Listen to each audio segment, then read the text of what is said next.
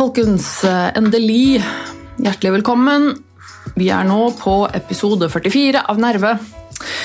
Og en, å, nå er jeg litt sånn småsur, rett og slett, nå. For nå Nei, klokka Klokka har nå tikket over mot ettermiddag her denne onsdag.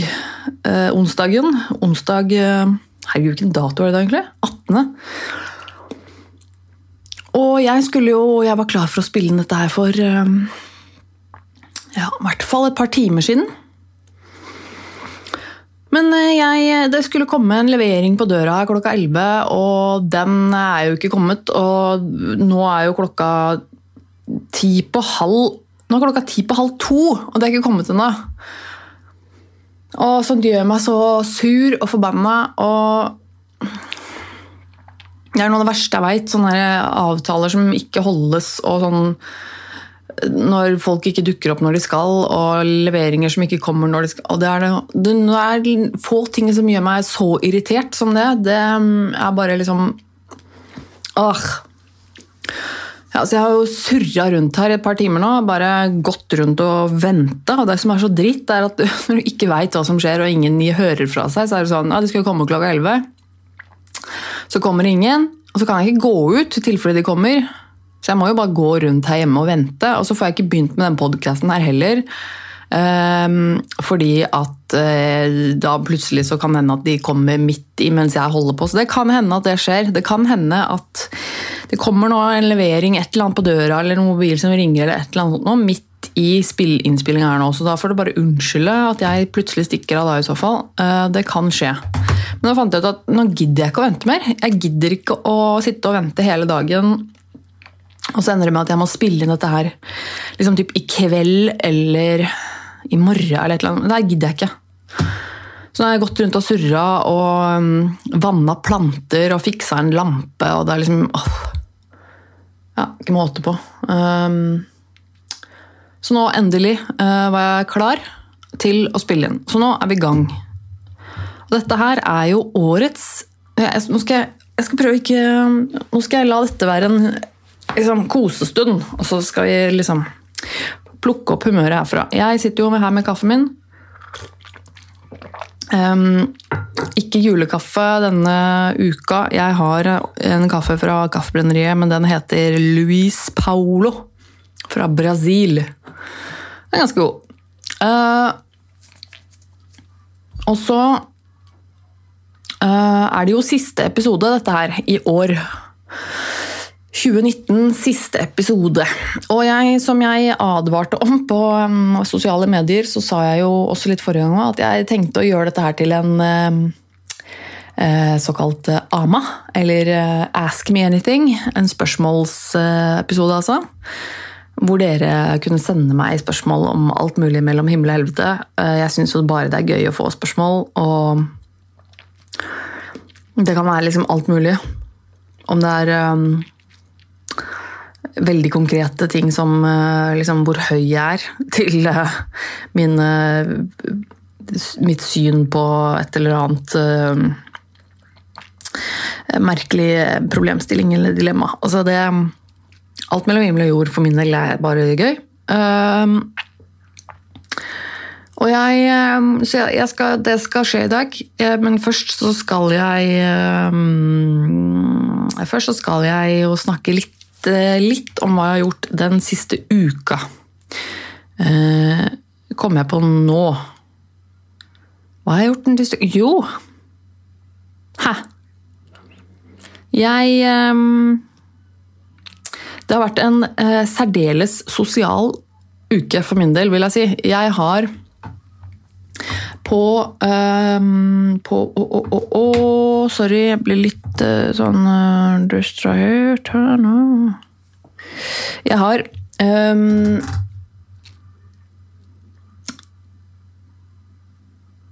På lørdag Sorry, nå er jeg i gang.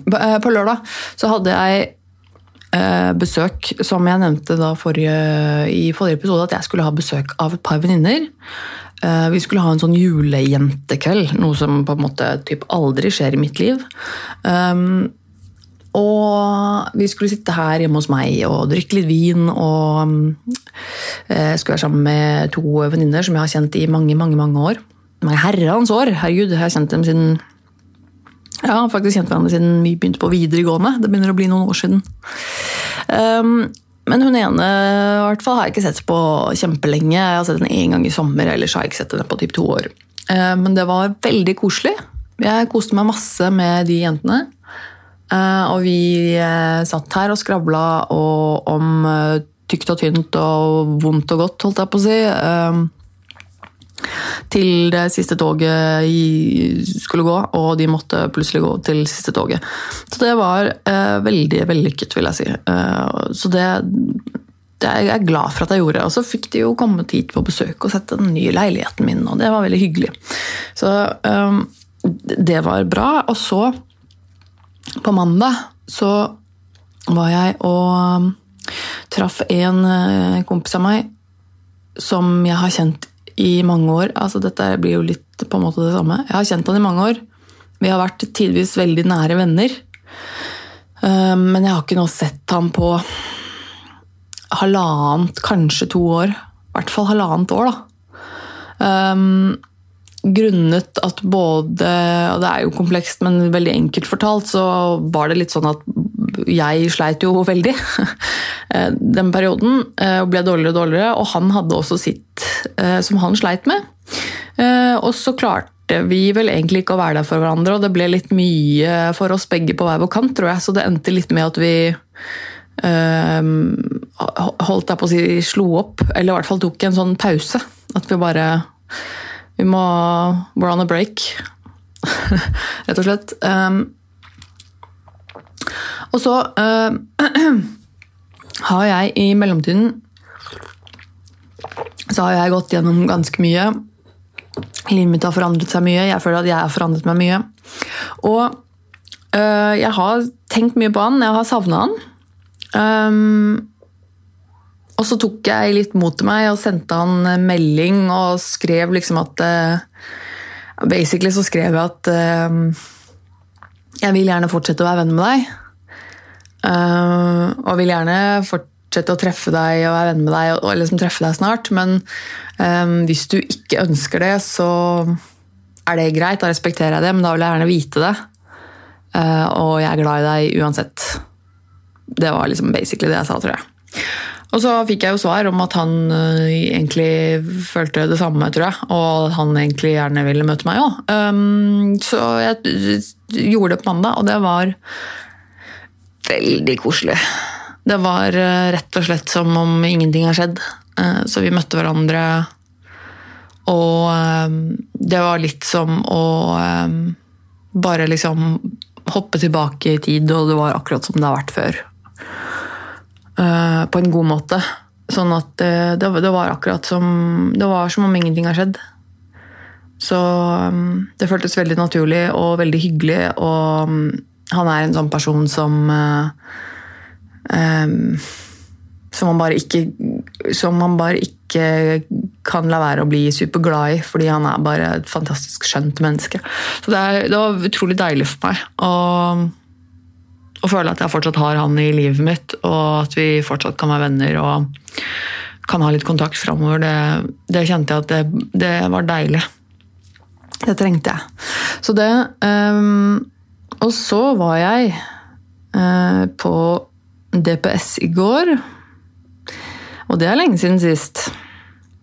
For det har vi jo hørt nå om eh, i disse par i hvert fall siste episodene, om eh, dette opplegget med DPS i det siste, med at eh, jeg var for dårlig til å møte opp på den ene timen. Og så bare var det ingen som brydde seg om det, tilsynelatende. Sånn at Uh, ja, jo, jeg gidder ikke å fortelle alt en gang til, for da blir det tredje gangen jeg forteller det. Men det som uansett, jeg fikk jo en ny time, jeg var der i går, og da forklarte jeg for min psykolog um, Jeg gikk egentlig ganske rett på sak med en gang timen begynte, og sa at, um, fordi han sa liksom hei, det, det, var lenge siden. Og så sa jeg ja, uh, men hvorfor det egentlig? Hva var det egentlig som skjedde der? Uh, og da forklarte han sin eh, versjon, holdt jeg på å si. Eh, veldig enkelt. Jeg tror liksom han sa at nei, du hadde jo en time, og så dukket du ikke opp til den timen. Um, og så uh, tok du kontakt for en ny time, fikk den en ny time, og så er du her nå. Jeg ba, ja, det var jo, det var jo veldig enkelt fortalt. Um, for min del så oppleves det kanskje litt mer sammensatt enn det. Men da fortalte jeg jo at jeg følte meg veldig forbigått, og følte meg veldig um, Jeg følte egentlig at hele greia var ganske hårreisende. Uh, fordi at jeg, da jeg droppa den timen, så hadde jeg det jo helt jævlig. det var jo liksom i oppstartfasen av min um, Da jeg begynte på medisiner. og det var jo noen dager der hvor jeg var skikkelig på skrapbånd, altså. Sånn skikkelig. Eh, jeg husker at jeg lå i senga midt på dagen og planla mitt eget selvmord. Eh, så langt nede var jeg. Og det er ganske, det er ganske skummelt å tenke på, for der har ikke jeg vært på lenge. liksom. Men jeg følte meg faktisk så langt nede at jeg lå og, og liksom tenkte på hvordan, hvordan skal jeg komme meg ut av dette livet. Uh, hva er løsningen nå denne gangen, liksom? Altså, ja, jeg hadde det såpass jævlig. Uh, I hvert fall enkelte dager da. Uh, og så forklarte jeg det. Så jeg sa dette på en liksom veldig nøktern, ålreit måte. Liksom. At uh, det var sånn jeg hadde det. Jeg var for dårlig til å møte opp. Det var sånn, det var sånn jeg hadde det. Um, og når jeg da uh, la være å møte opp til timen, og det går flere dager uten at jeg hører noe fra uh, eh, verken deg, behandleren min, eller uh, eh, DPS i det hele tatt. Uh, det er ingen som tar kontakt med meg for å liksom, høre om vi skal sette opp en ny time, eller hva som skjer. Så er ikke det akkurat noe som får meg til å føle meg mer, mer velkommen her. Eller Uh, uh, uh, nå fikk jeg en melding her, vet du, om den derre forbannede leveringa.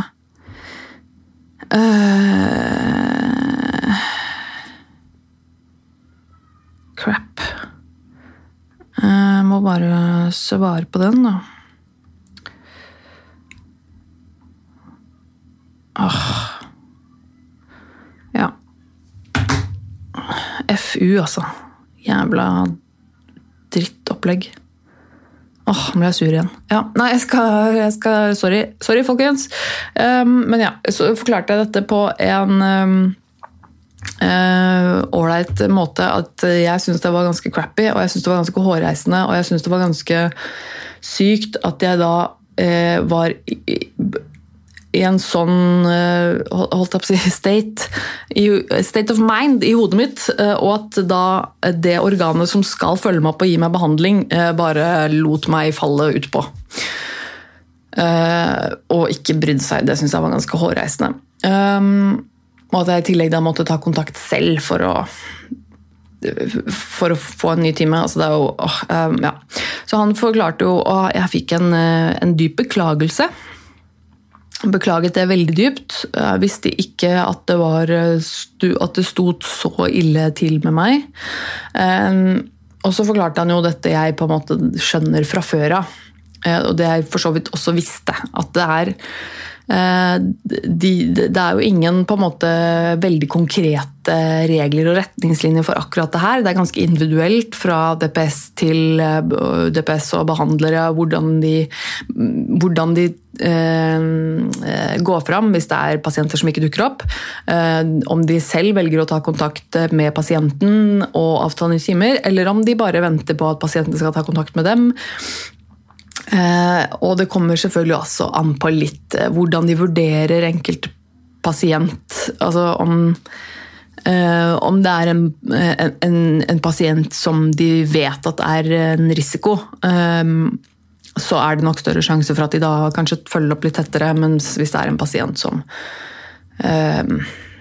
ja, som kanskje ikke har det så verst, liksom, så ja, nei, så, så det, er, det, er, jo individuelle forskjeller og litt sånne ting. og det er, ja. Eh, men han sa jo det, han innrømmet jo det at det var jo en vurderingsfeil han hadde gjort fra sin side. Og han skulle jo da definitivt um, ha tatt kontakt med meg. Noe som er fint, at han eh, sa det og, og ga meg en beklagelse. Men, jeg, og jeg, men som jeg sa til han at det, er- ja, det er jeg skjønner det, jeg forstår det, men ehm, det som er så synd med dette, er at det gjør ikke akkurat det forholdet jeg har til deg og til DPS noe bedre akkurat nå.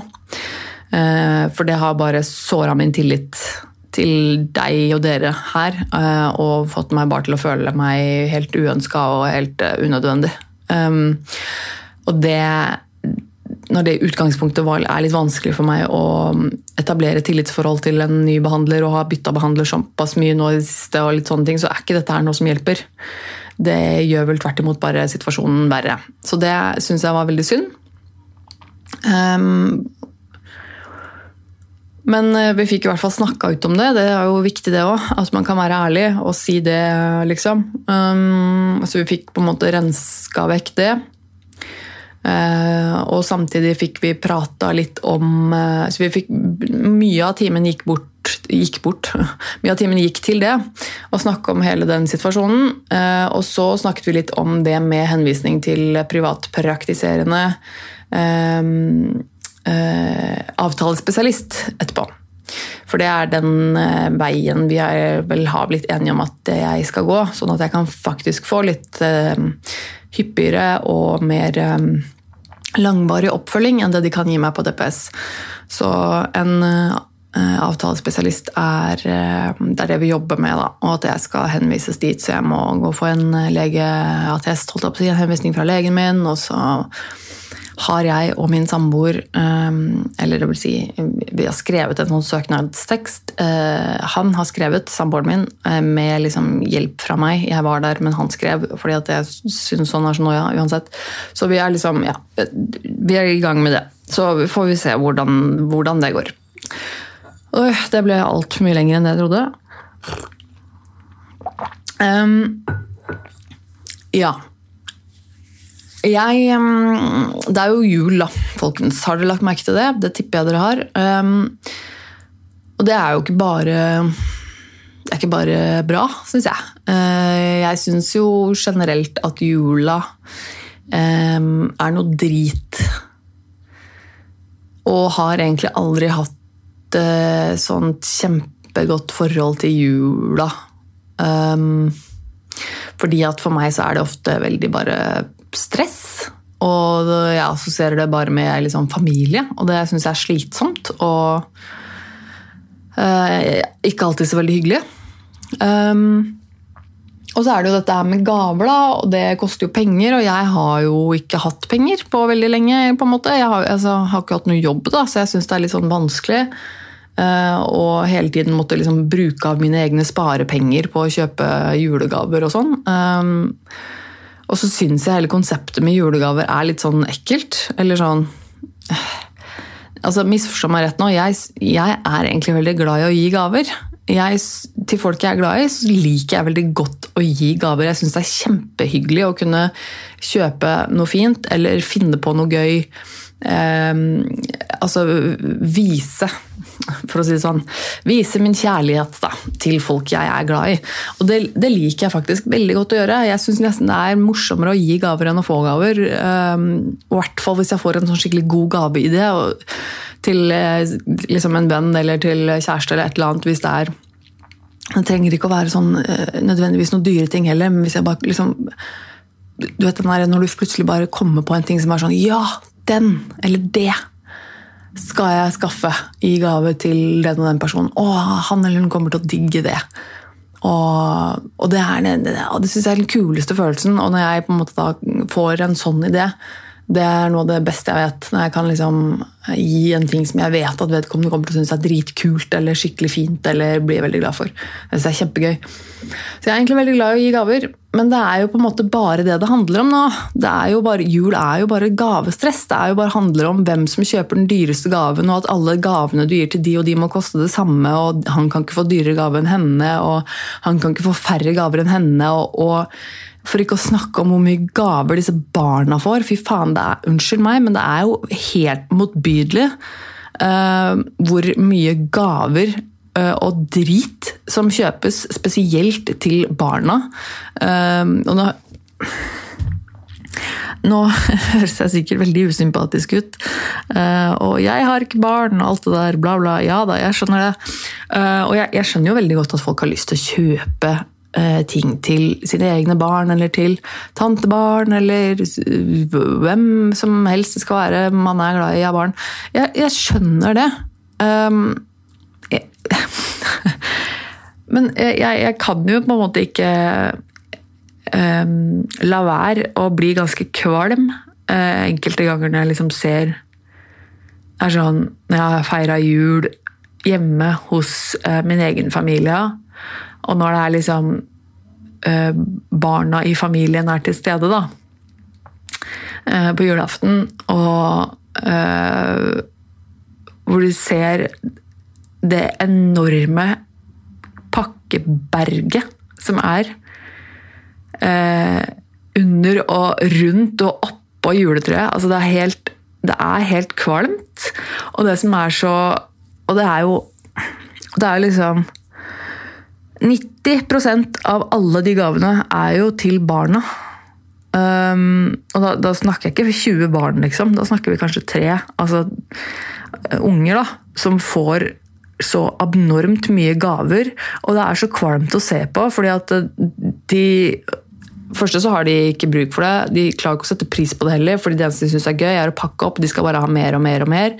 Og bare river av papir og bare ah, neste. Og hvis mot forvåning skulle være en gave til noen andre, altså en annen av barna eller en av de voksne, God forbid, så blir de jo kjempesure. Nei, men nå er det min tur, jeg vil ha en til. Hvor er neste som er min? Og det er altså så kvalmt um, at de bare liksom Unga de bare bader i gaver og får altså så mye, og de får så mye drit. De får så mye søppel som de overhodet ikke trenger, og de får så mye leker og, som de på en måte aldri får lekt med engang, for det har så mye. Og nå og dette, altså, det, jeg syns det er oppriktig ganske kvalmt. Eh, både liksom fordi at det er skikkelig, det er jo ræva kvalitet på mye av det, og det er helt unødvendig. Og det er hvor, jeg vet ikke hvor mange tusen kroner i dritt som ligger under eh, til eh, de barna, og som blir så bortskjemte at det er ekkelt å se på. og jeg, ikke, ikke misforstå meg nå, jeg skylder ikke på disse barna. Dette er et skjønne barn, det har ingenting med barna å gjøre. barna har ingen skyld i dette. Eh, dette er helt normale, vanlige, skjønne barn. Eh, det er jo foreldrene og familiene som har skylden av dette. Disse menneskene som er så opptatt av å kjøpe og kjøpe og kjøpe. og kjøpe, og kjøpe eh, Som tror at et barn ikke blir lykkelig med mindre han får 3, 4, 5, 6, 40 gaver under treet. Det er for meg helt insane og ganske motbydelig. Det var en liten julegave-rant, men det er litt sånn og det, og det jeg syns er deilig med det, er at jeg slipper det i år. I år eh, skal jeg feire julaften eh, sammen med min samboer og min eksmann. Eh, og det passer meg så utmerket. Jeg og samboeren min vi var litt, det eneste vi var sikre på, at vi hadde lyst til å feire jul sammen i år, for det fikk vi ikke gjort i fjor. Så vi skal feire jul sammen. Ehm, men det var litt sånn Ja, men hvor skal vi gjøre det? Eh, jeg hadde i utgangspunktet ikke så veldig lyst til å dra hjem til min familie. Eh, vi hadde ikke så veldig lyst til å dra hjem til hans familie, liksom fordi det er liksom han har barn, og så er det liksom annenhver jul, og det var hun skulle være hjemme hos mor, og bla, bla. Så det var litt sånn Ja, vi har egentlig åpent bord, kan gjøre litt hva vi vil. Um, og så fant vi vel ut at vi har, altså vi har, reist så mye, og det har vært så mye fram og tilbake, og mye som har skjedd med både jobb og ting og tang og her og der. Vi fant ut at Det hadde egentlig vært veldig deilig å bare være hjemme. Eh, så, så ble det til det at vi, vi, skal bare være hjemme. Og så tenkte vi at ja, kanskje, vi har, kanskje, vi kjenner noen, noen, andre som trenger et sted å være på julaften. Kanskje vi kjenner, har noen venner eller uh, ja, som som ikke har noen familie i nærheten, eller som eh, Ja. Eh, og da kom jeg på min eksmann, eh, som jeg jo fortsatt er veldig glad i og snakker ofte med. Og vi har veldig veldig fin, god kommunikasjon. Og han har jo pleid å feire jul sammen med meg hjemme hos min familie hvert år. Så ble jeg litt sånn Hm, men hva skal han på julaften i år? Eh, og det viste seg at han ikke hadde noen planer. Han hadde egentlig ikke noe sted å gjøre av seg på julaften, så jeg bare inviterte han hjem til oss. Eh, og så er det egentlig ingen flere vi som viste seg at kunne komme. Um, og det gjør jo ingenting. Det blir oss tre, og det er helt supert. Uh, jeg er jo kjempeglad i uh, eksmannen min, og jeg er selvfølgelig kjempeglad i samboeren min. Og de to har truffet hverandre flere ganger og har ikke noe imot uh, hverandre. Um, og jeg tror faktisk det blir veldig, veldig hyggelig. Vi skal bare spise julemat og slappe av hjemme. Åpne de få gavene vi har, som bare er de liksom, få som vi har til hverandre. liksom. Um, og så skal vi sikkert enten se en film eller spille litt TV-spill, ludo, jeg vet da søren. Uh, drikke øl eller vin og bare kose oss, og så gjør vi det så lenge vi gidder, og så går vi og legger oss. på en måte. Det er på en måte um, og det er så greit, fordi da er det bare en kjapp togtur for eksmannen min å komme seg hjem, og så kan han eh, gjøre det når han vil. Nei, faktisk første gang på mange år hvor jeg, hvor jeg gleder meg. Um, gleder meg til julaften. Tenker at jeg tror faktisk julaften blir ganske hyggelig i år. Og jeg føler ikke noe sånn veldig stress. Og så har jeg egentlig bestemt meg for at eh, jeg kjøper ikke gaver jeg, til de jeg ikke er sammen med på julaften. Det er på en måte, jeg har merket at det, det, tror jeg er min regel. på en måte. De som jeg er sammen med på julaften, de får gave. Ellers så er det ikke noe gave fra meg. altså. Um, de som jeg er glad i, de vet at jeg er glad i dem, og de får kjærlighet fra meg på andre måter, for å si det sånn. De blir satt pris på. Uh, og de som uh, jeg ikke har lyst til å kjøpe noen gave til, og som jeg ikke har noe spesielt nært forhold til, de trenger heller ikke å få noen gave. Det er ingen i familien min eller folk jeg kjenner som det er som er lut fattige, eller som det er veldig synd på, eller som Ja. Så det er ikke noen grunn egentlig til å kjøpe masse gaver til folk, hvis ikke det er folk jeg skal være sammen med på julaften. Um, så jeg har faktisk ikke kjøpt eh, Jeg har faktisk ikke kjøpt en eneste gave til noen i min eh, biologiske familie. Jeg har bare kjøpt gaver til den familien jeg har valgt sjøl. Altså um, min samboer, min eksmann, og datteren til, datteren til samboeren min får også en liten gave av meg. Og det er, liksom, det er min familie. For meg så er det sånn det føles. Um, selv om eksmannen min er min eksmann, så føles han for meg fortsatt som en del av min familie. Han er en person jeg er veldig veldig glad i, og som jeg håper at uh, fortsetter å være i livet mitt uh, så lenge som overhodet mulig. Um, så jeg har kjøpt gave til han, og jeg har kjøpt gave til uh, samboeren min og, og, datteren hans, og det er det. og det føler jeg er helt supert, rett og slett faktisk. Så jeg um, Og det, det, er sånn jeg har liksom klart å holde hodet på plass denne jula. er bare å uh, droppe alt det som jeg kjenner at gir meg kjempeangst. Droppe det som uh, er unødvendig mye stress. Og for meg så er det å feire jul med familie det er ikke noe jeg har lyst til å gjøre uh, i år. Uh, og da dropper jeg det. For meg så er det det å kjøpe gaver til alle mulige folk, det er ikke noe jeg har lyst til. Er, og da gjør jeg ikke det heller.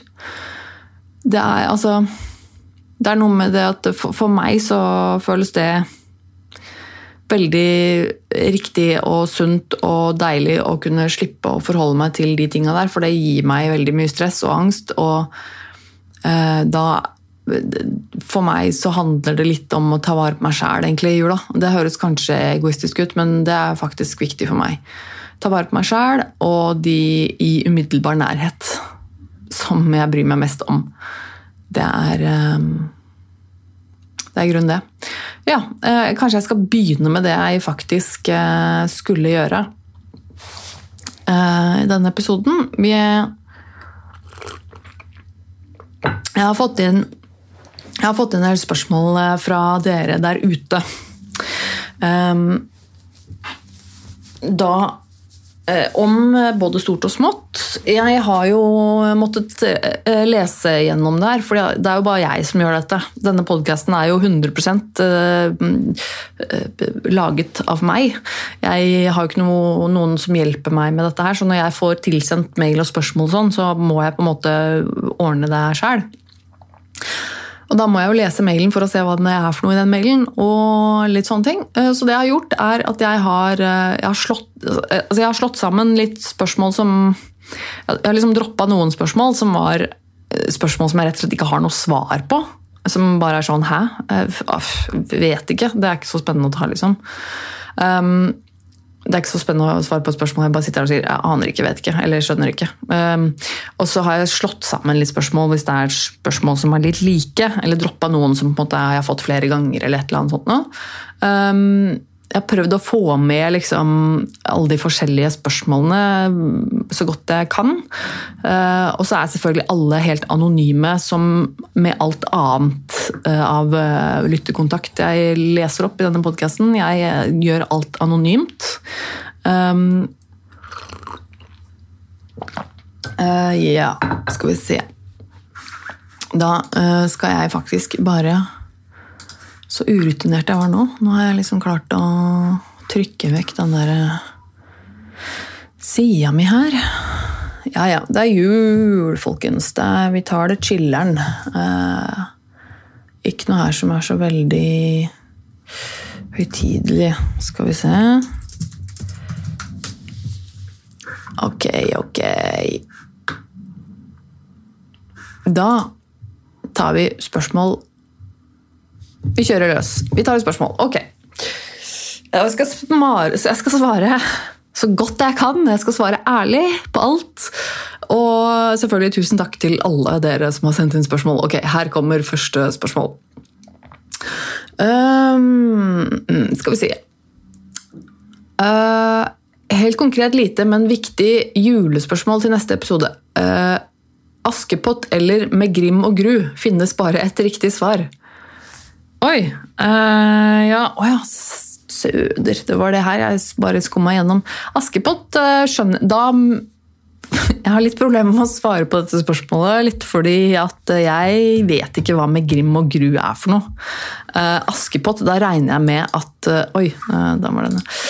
Da regner jeg med at de mener den der Tre nøtter til Askepott-filmen. Den som alle syns er så fantastisk. Som alle skal se. Og det ser jeg ikke på. Det er jo helt forferdelige greier. Det er jo virkelig helt grusomt. Uh, med Grim og Gru vet jeg ikke hva det er for noe. Jeg regner med at det er en film. Uh, men jeg har jo Skal vi se uh, Med Grim og Gru det, er, ja, det ser ut som en film. ja, det er en film, tydeligvis. Jeg har ikke sett den, så det kan jeg ikke svare på om jeg liker eller ikke. Men jeg ser ikke på Askepott heller. Jeg ser ikke på noen av delene. Det er liksom bare Nei, Askepott, det derre Og det der fæle greiene. Og den oh, Askepott og den derre Hva er den der andre? Den derre Å, guri land. Er det ikke en til også som er sånn, hvor han samme fyren har dubba hele filmen?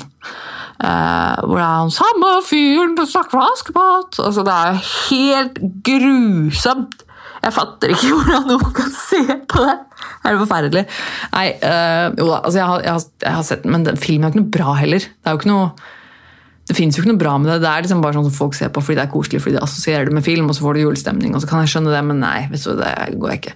Og så sånn, Men jeg har en sånn rar greie med, med sånn enkelte filmer og sånn, sånn som bare klør meg på helt feil sted i hjernen. Som bare gir meg helt sånn bløh. Eh, sånn for eksempel Flåklypa. Det at noen liker Flåklypa, det kan jeg ikke fatte og begripe av hele mitt sinn. Altså, fordi at det er bare noe av det mest jævlige som fins av filmer. Det er bare så grusomt å se på. Jeg hater det, liksom. Eh, det er så ekkelt. og så De er så stygge og ekle og Åh, jeg får helt bare Jeg tenker på filmen, filmen. Nei, vet du hva? Gå og legg deg, ass. Det er bare grusomt. Det er grusomt. Det går virkelig ikke an å se på. Det som er litt rart, det er at eh, Jeg trodde at det var fordi det var sånn stop motion-film. At det var derfor jeg ikke klarer å se på det. Men det er ikke bare det heller. For jeg, er veldig glad i f.eks. 'Nightmare Before Christmas' uh, og uh, 'Corpse Bride' og andre Tim Burton-filmer. Syns jeg var helt fantastisk. Altså 'The Nightmare Before Christmas', eller hva den heter på uh, 'Et førjulsmareritt', heter den på norsk. Det er jo en av mine all time favorite movies. sånn ever. Jeg elsker den. Um, og det er en stop motion-film, men den syns jeg er helt fantastisk. Så det er ikke bare med at det er stop motion. Men det er noe med de der dukkene og de der stemmene og hele liksom, opplegget og Nei, jeg syns det er helt flåklypa. Det er bare det er bare det, det, er galt. Det er rett og slett galt. Uh, sorry, Mac. Men ja, sorry, det ble langt. Uh, neste spørsmål. Hvordan dealer du med å bli avsluttet i en psykisk behandling hvis du har blitt det? Uh, ble det ble det nettopp selv avsluttet siden jeg ikke var syk nok lenger. Håper du får en bra jul. Ja. Jeg har faktisk ikke opplevd å få avsluttet eh, min behandling enda. Jo, det er jo ikke helt sant. Jeg har jo jeg avsluttet jo min behandling altså Jeg gikk jo til psykolog da jeg var sånn 15. Da avsluttet jeg den selv på et eller annet tidspunkt fordi jeg var lei. Gikk, jeg hadde jo gått der i tre år, eller et eller annet, da tror jeg følte at jeg bare sånn, nå er jeg ferdig. Um, kommer ingen vei med det lenger. Og nå går jeg jo fortsatt til DPS, men jeg avsluttet jo ganske nylig den behandlingen jeg hadde hos ernæringsfysiologen, hun kliniske ernæringsfysiologen på DPS. Men det også var jo et valg jeg gjorde. Um, det har jeg snakket litt om i tidligere episoder. men men eh, det, Skal vi se Jeg prøvde å sjekke hvilken episode det er. Eh, det ser jeg ikke her for øyeblikket. Men, så jeg, jeg, vet faktisk ikke, men jeg tenker umiddelbart at hvis du har blitt Altså hvis din behandling på DPS, da, eller hvor du har gått, er avsluttet fordi du ikke er syk nok lenger, så tenker jeg at det er jo en kjempegod ting. Um, så gratulerer, egentlig. Uh, og jeg, håper jo dette var noe du selv følte også var den riktige beslutningen. At dette her, på en måte, nå er vi nå er vi ferdige, nå fortsetter min, eh, min, videre vei mot uh, bedre psykisk helse på egen hånd. Og at det har hjulpet deg, og at du sitter igjen og har fått noe godt ut av det. Og så er jo det helt kjempegodt å høre. Um, men eh, Og så håper håper jeg det var eh, som sagt riktig for deg. Nei, jeg vet ikke. Jeg har ikke mm, jeg er ikke kommet så langt ennå. Du er kommet lenger enn meg. Um, jeg skal, jeg skal, svare på det Du skal få høre om det når jeg har avslutta min DPS-behandling, så skal vi se. Ok. Um, mm, mm, neste spørsmål. Hva gjør du for å ta vare på deg selv gjennom jula og nyttår? Har du noen tips å dele? Jeg tenker på teknikker eller ting som kan brukes for å roe ned, skjerme seg litt i stria kanskje, sette grenser eller bare litt egenpleie. Jula er jo for veldig mange forbundet med stress, mas, eh, mat, familietradisjoner som kanskje ikke er bra, osv. osv. Ja, og det var jo litt det var jeg jo litt inne på også eh, i min eh, lange innledning. Det jeg gjør for å ta vare på meg selv gjennom jul og nyttår, det er Det er ikke ett svar på det, men det er på en måte det er det jeg gjør. Jeg prøver å ta vare på meg selv gjennom jul og nyttår. Lytte litt til hva, hva kroppen og sinnet mitt sier. Og det er jo ikke alltid så lett å forstå, men noe med at uh, her, Nå kjente jeg f.eks. det jeg fortalte om at jeg eh, traff disse to venninnene mine og vi hadde en jentekveld, eller at jeg tok kontakt med min uh, gode, gamle venn og tok en kaffe med han her på mandag. Og jeg kjente liksom at det, det var noe jeg trengte. Jeg, jeg, følte meg kanskje litt ensom. Var, jeg, har vært mye, jeg har vært mye alene, mye usosial i det siste. Og kjente at eh, jeg har lyst til å kjenne at jeg har folk i livet mitt som bryr seg om meg, og som jeg bryr meg om. Eh, og kjente at jeg hadde et behov for den connection med noen som jeg er glad i. Og, det, og da gjorde jeg det, og det var veldig godt for meg. Eh, så det kjente jeg at det, det, det var godt for meg. Jeg har også kjent at um, i år så er det eh, Vil jeg ikke tilbringe så mye av jula sammen med min familie. At jeg, har, jeg trenger den avstanden. At jeg ikke vil feire julaften med min familie, f.eks. Um, det er noe jeg kjenner at jeg har behov for. Uh, som jeg er glad for at det var en beslutning jeg tok. Uh, men det er også litt, litt, som de tingene jeg var inne på tidligere òg. Uh, dropp, dropp noen av de gavene.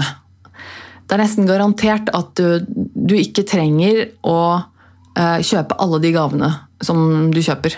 Og så husk det også at hvis du jeg skjønner jo på en måte at du kan få litt dårlig samvittighet. da, at det er sånn, Du har liksom 20 gaver du skal kjøpe, og så er det sånn Ja, men hva om jeg dropper liksom de tre der? Ja men, det, uff, ja, men da er det kjipt for den personen å ikke få den gaven fra meg, eller du har ikke lyst til å være kjip, liksom. Ja, jeg skjønner, jeg skjønner den følelsen, men så må du huske på at den, den, det vedkommende det er snakk om, får garantert flere gaver. Det er ikke sikkert vedkommende eh, legger merke til engang. At de ikke får akkurat den gaven fra akkurat deg. Mest sannsynlig så får de flere gaver. Um, og altfor mange gaver, kanskje, til og med. Så uh, kanskje droppe noen av gavene. Kanskje du skal la være å sette så høye krav til de gavene. Kanskje du skal gjøre noe annerledes med gavene i år. Kanskje istedenfor gave så skal du sende julekort Uh, kanskje du skal lage julekort og sende det istedenfor å kjøpe gave. Kanskje du skal kjøpe litt billigere gave eller, kjøpe, eller lage gave. Kanskje du skal faktisk um, bake noen pepperkaker og gi det i gave istedenfor å bruke penger. Um, ta noen sånne løsninger eh, som, som, gjør det lettere for deg.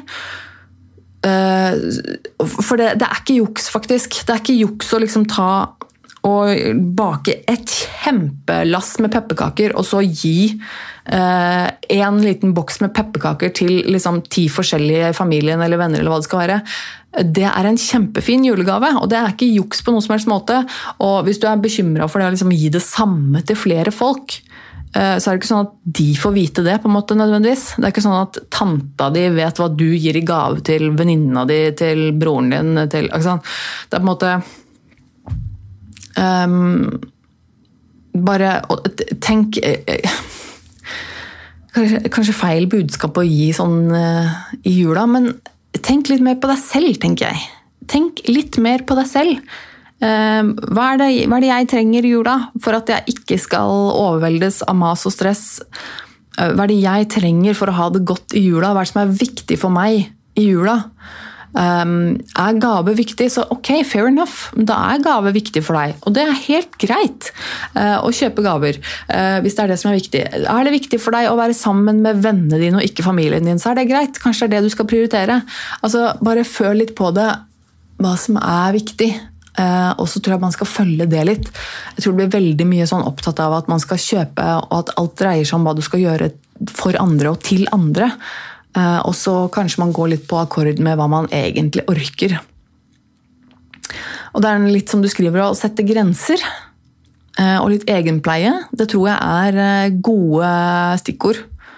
Og som sagt er det ikke alltid så lett å vite akkurat hvor grensa går, eller hva som man trenger av egenpleie, men det trenger ikke å være mye heller. Kanskje du bare skal ta Kanskje du bare skal ta og lage den koppen med te og sette deg i den gode stolen og lese litt i den ene boka som du ikke har lest på veldig lenge, eller som du ønsket at og den har jeg lyst til å begynne på. Kanskje du skal gjøre det også bare en halvtime, liksom. Eller kanskje en time. Det trenger ikke å være liksom, i mange timer. Du trenger ikke å sette av en dag til egenpleie heller, liksom. Det måte, kanskje det er bare den halvtimen du trenger, hvor du bare får være litt i fred.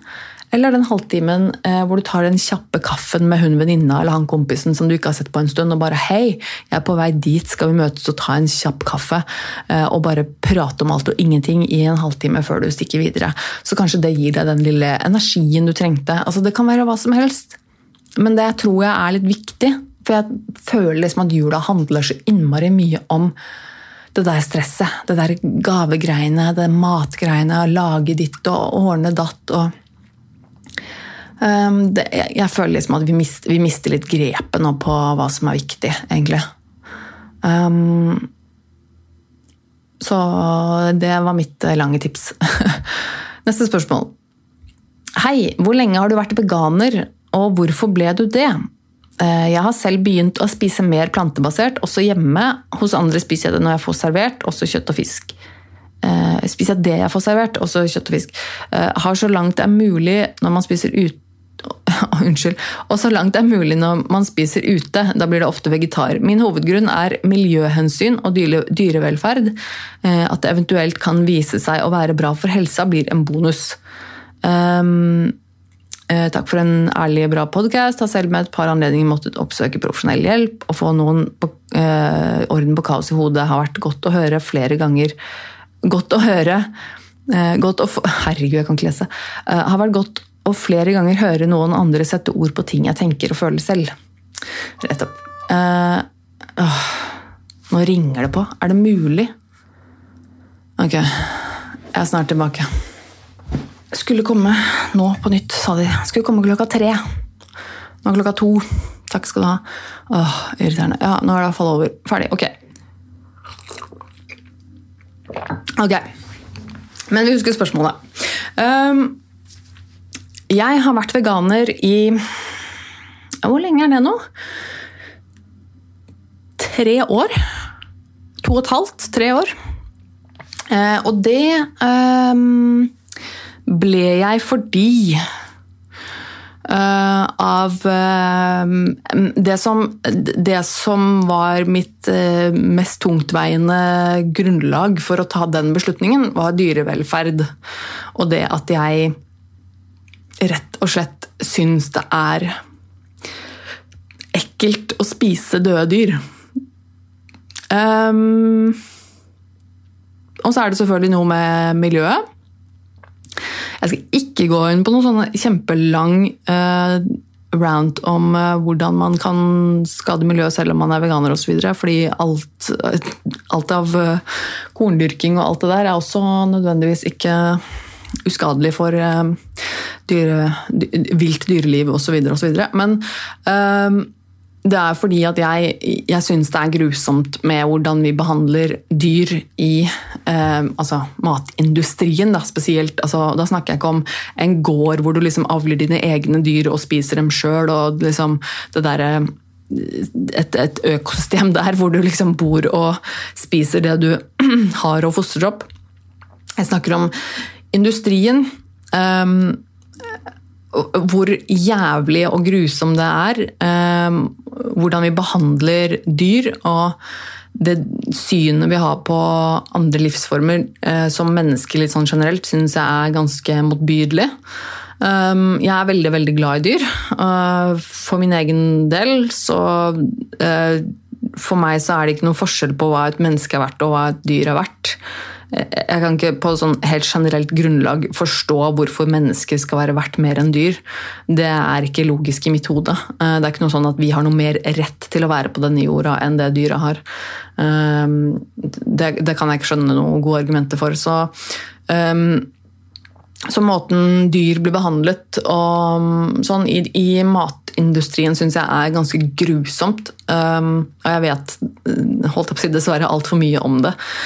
Eh, og jo mer jeg lærte, jo mindre aktuelt var det for meg å spise kjøtt. Eh, så det eh, så, Og jeg har aldri vært har aldri vært noe glad i fisk og skalldyr og sjømat, så det var veldig enkelt for meg å kutte ut det, for det har jeg egentlig aldri spist. Det, altså jeg, har, jeg, har, spist i form av at jeg har smakt på det, men jeg har aldri spist det, for jeg har aldri vært noe glad i det.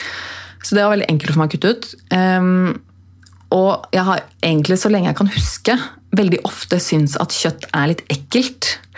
Um, og har vært, jeg har vært litt sånn eh, kresen på, på type kjøtt jeg spiser, i forhold til hvordan det er laget eller hva det er. Altså, fordi at jeg syns det er litt ekkelt. fordi For meg så har det hele tiden vært det sånn åpenbart at men det her er jo et kadaver. Det er jo et dødt dyr som er kutta opp i småbiter. Og så skal jeg stappe det i kjeften min. Det er jo dritekkelt. Og så er det jo selvfølgelig noe med det, hvordan vi behandler dyra som jeg syns er helt forferdelig. Og er helt imot. Og det er bare sånn det, og, og, nå når jeg vet så mye om liksom, industrien, og jeg vet Jeg vet uh, hva det er uh, i de forskjellige kjøtttingene. Um, så klarer jeg rett og slett ikke å forsvare for meg selv å spise kjøtt. Eh, så det, det, det, det, går bare ikke. Det går rett og slett ikke. Så eh, det begynte med at jeg ble vegetarianer. Jeg var vegetarianer et halvt års tid eller noe sånt, før jeg på en måte gikk over til å bli veganer. Eh, og jeg vil jo egentlig påstå at det å gå fra vegetarianer til å bli veganer er nesten et større steg enn å gå fra vanlig mat til vegetarianer. Fordi når du går fra vegetarianer over til veganer, så er det på en måte da eliminerer du en kjempestor gruppe med mat med en gang. Eh, for da går du jo fra å ikke bare ikke spise kjøtt og, og, og liksom konkrete deler av dyr eller levende vesener, da går du også over til å eliminere hele den gruppen med mat som kommer fra dyr. Så det vil jo si ikke sant, eh, melk, f.eks. Altså alle melkeprodukter. Eh, og det er jo smør og melk, eh, alt, eh, og egg. Og, og, det, og, da plutselig begynner det å være ganske mange ting du ikke lenger skal spise. Og det, det For meg så føltes det også riktig, fordi at jeg for, meg, for meg så skjønte jeg ikke helt hvorfor jeg skulle være vegetarianer, men ikke veganer. For det ble litt sånn hyklersk. Altså for min egen del, Nå snakker jeg bare for min egen del. Um, fordi at jeg, jeg, klarte liksom ikke å stå inne for den måten vi behandla dyrene på, og det å spise dyr. Uh, og, i, og, det, og, derfor slutta jeg å spise kjøtt, men så er det på en måte måten man behandler melkekuer på, uh, er jo faen ikke noe bra, det heller. Det er jo en helt forferdelig industri, det også. Um, og jeg skal ikke begynne på noen lang rant på det, men det er liksom så, så, da når jeg begynte å lære litt om det, og skjønte liksom hva det handla om, og hvordan det egentlig foregår, så ble det litt sånn og, og ikke minst liksom egg fra, fra høner og, og, sånn. Så ble jeg litt sånn Men hvordan, hvordan, kan jeg stå inne for det, da? Hvordan kan jeg la være å spise kjøtt, og så fortsatt spise egg? Eller drikke melk? Eh, det funka liksom ikke for meg. Så da måtte jeg liksom gå over, over til det. Og så er det jo eh, noe med miljøhensyn også, selvfølgelig. Fordi at eh, kjøtt, eh, kjøtt og matindustrien er en miljøversting på veldig mange måter. Så det er også selvfølgelig av, av det hensynet. Eh, når det gjelder helse, så tenkte jeg også i begynnelsen at det var uh, selvfølgelig fint. Og det er jo en uh, god ting å være veganer og vegetarianer når det gjelder helse. Som uh, ikke nødvendigvis stemmer i det hele tatt. fordi at det fins veldig mye drit og junkfood som er vegetarsk eller vegansk. Så du kan like fullt være en veldig usunn veganer eller vegetarianer. Sånn at eh, det, det ene Det betyr ikke at du er sunn bare fordi du er veganer. Um, men selvfølgelig, eh, det er ikke sunt å spise masse tungt rødt kjøtt og alt det der heller. Så, men, men det det dreier seg om da i forhold til det med helse og sunnhet, det har jo at du, som, som, mange kanskje opplever ved at de gjør en kostholdsendring, er jo det nettopp den endringen. Og at du blir mer bevisst på det. Du blir mer, mer bevisst på hva du faktisk putter i kroppen din. Og at du kanskje spiser mer grønnsaker og mer av de tingene der som, som du kanskje spiste for lite av i utgangspunktet. Eh, men også det at det er nok den bevisstheten Eh, som ofte gjør at folk føler en, en, den, den, forandringen. At de føler seg eller blir litt sunnere, altså fordi at de får det, litt det fokuset på, på, hva du faktisk putter i kroppen. Og det må du jo hvis du skal gå over til en så um, si, radikal endring da, i kostholdet ditt, at du skal bli en veganer, så er det mange ting du må bytte ut. Eh, du må spise og tenke annerledes på mat. Og da eh, blir man jo selvfølgelig eh, veldig bevisst på maten og hva du putter i deg, og gjennom det også har du da muligheten til å mm, spise sunnere. Jeg tror nok det er der mye av det ligger. Eh, det der, eh, fordi at det å det går veldig fint an å være usunn, som sagt, selv om man liksom er veganer. Um, I forbindelse med det så var det også et spørsmål uh, som lyder uh, Hvis samboeren din ikke er veganer, hvordan fungerer det med mat når dere skal spise sammen? Uh, og det um, er jo noe jeg Det er jo et litt sånn todelt blir litt todelt for min del. Litt fordi at jeg er jo ikke bare veganer, men jeg har jo også spiseforstyrrelser. Eh, sånn at eh, det er jo for meg eh, litt sånn ekstra vanskelig. Litt for, fordi jeg har liksom ikke bare Jeg har på en måte to ting jeg driver og tar hensyn til i hodet mitt. Det er liksom både det med hvor mye jeg spiser, og samtidig hva slags ting jeg spiser. Og ikke spiser. Men så på grunn av på grunn, Det er jo hovedsakelig pga. min spiseforstyrrelse, så spiser jeg sjelden middag. Ehm, jeg har ingen vane for å spise middag hver dag. Uh, altså Nå snakker jeg om et, et, et, middagsmåltid som du liksom står og kokkelerer på kjøkkenet og varmer mat eller liksom slenger noe i ovnen. eller altså whatever. Det er, det er, ikke så ofte jeg gjør det. Det blir som regel eh, veldig små, altså småmat. Det som mange kaller liksom mellommåltid eller lunsj, når man snakker liksom brødskiver eller knekkebrød eller grønnsaker. sånne ting som Det Det er liksom ofte det eneste type maten jeg spiser. Uh, og jeg sier ikke at det er bra, men det er, det er ofte sånn det blir. Men uh, hvis de gangene vi spiser middag, lager middag hjemme, på en måte, jeg og min samboer, så er det som regel sånn at uh, Nå er jo samboeren min også ganske Spiser jo veldig lite kjøtt. ofte vegetarisk mat. Han spiser fortsatt litt fisk og sånn, da, men, men uh, når det er snakk om middag, så blir det ofte vegetarisk mat. Um, og da er det vel Eller så er det liksom sånn at vi, vi, kan, vi, kan, lage noe, så kan han steke kjøtt på siden. Og så kan jeg spise det som er liksom av retten som ikke er kjøtt. F.eks. bare grønnsakene, og så kan jeg ha bønner. Eller, altså, eller vi steker koker bønner eh, og har til istedenfor kjøtt eh, og sammen med grønnsaker og liksom poteter. Altså, det fins så mange løsninger, men det er hovedsakelig sånn som det har vært for meg de siste åra. har liksom vært Når det gjelder middag, så er det um, Grønnsaker, tilbehør, spiser vi felles. Og så har vi på en måte proteinkilden separat. Så hvis min person jeg spiser sammen med, spiser kylling eller kjøtt, så kanskje jeg spiser noe som er en erstatning, enten om det er bønner eller om det er en vegansk burger eller altså whatever. Um, ja Skal vi si Hvordan forholder du deg hvordan forholder du deg til familien når du føler den gjør deg dårligere psykisk? Føler du deg fri til å være deg selv og leve ditt eget liv uten å tenke på hva de tenker og tror og mener? Jeg bare tenkte på at uh, når man er den psykisk syke slash den vanskelige i familien slash den ingen forstår, så får man ofte plassert de andres greier, problemer eller fordommer på seg selv. Og det kan være en, en veldig slitsom rolle. At man konstant blir dømt som den rare, den som det er noe feil med. Samtidig som de vil ha kontakt med deg, og at du skal være en del av familien. F.eks. nå i juletider og ved andre anledninger. Hvordan eventuelt setter du grenser? Ja, det er jo et veldig godt spørsmål. Og for meg så er det jo ehm,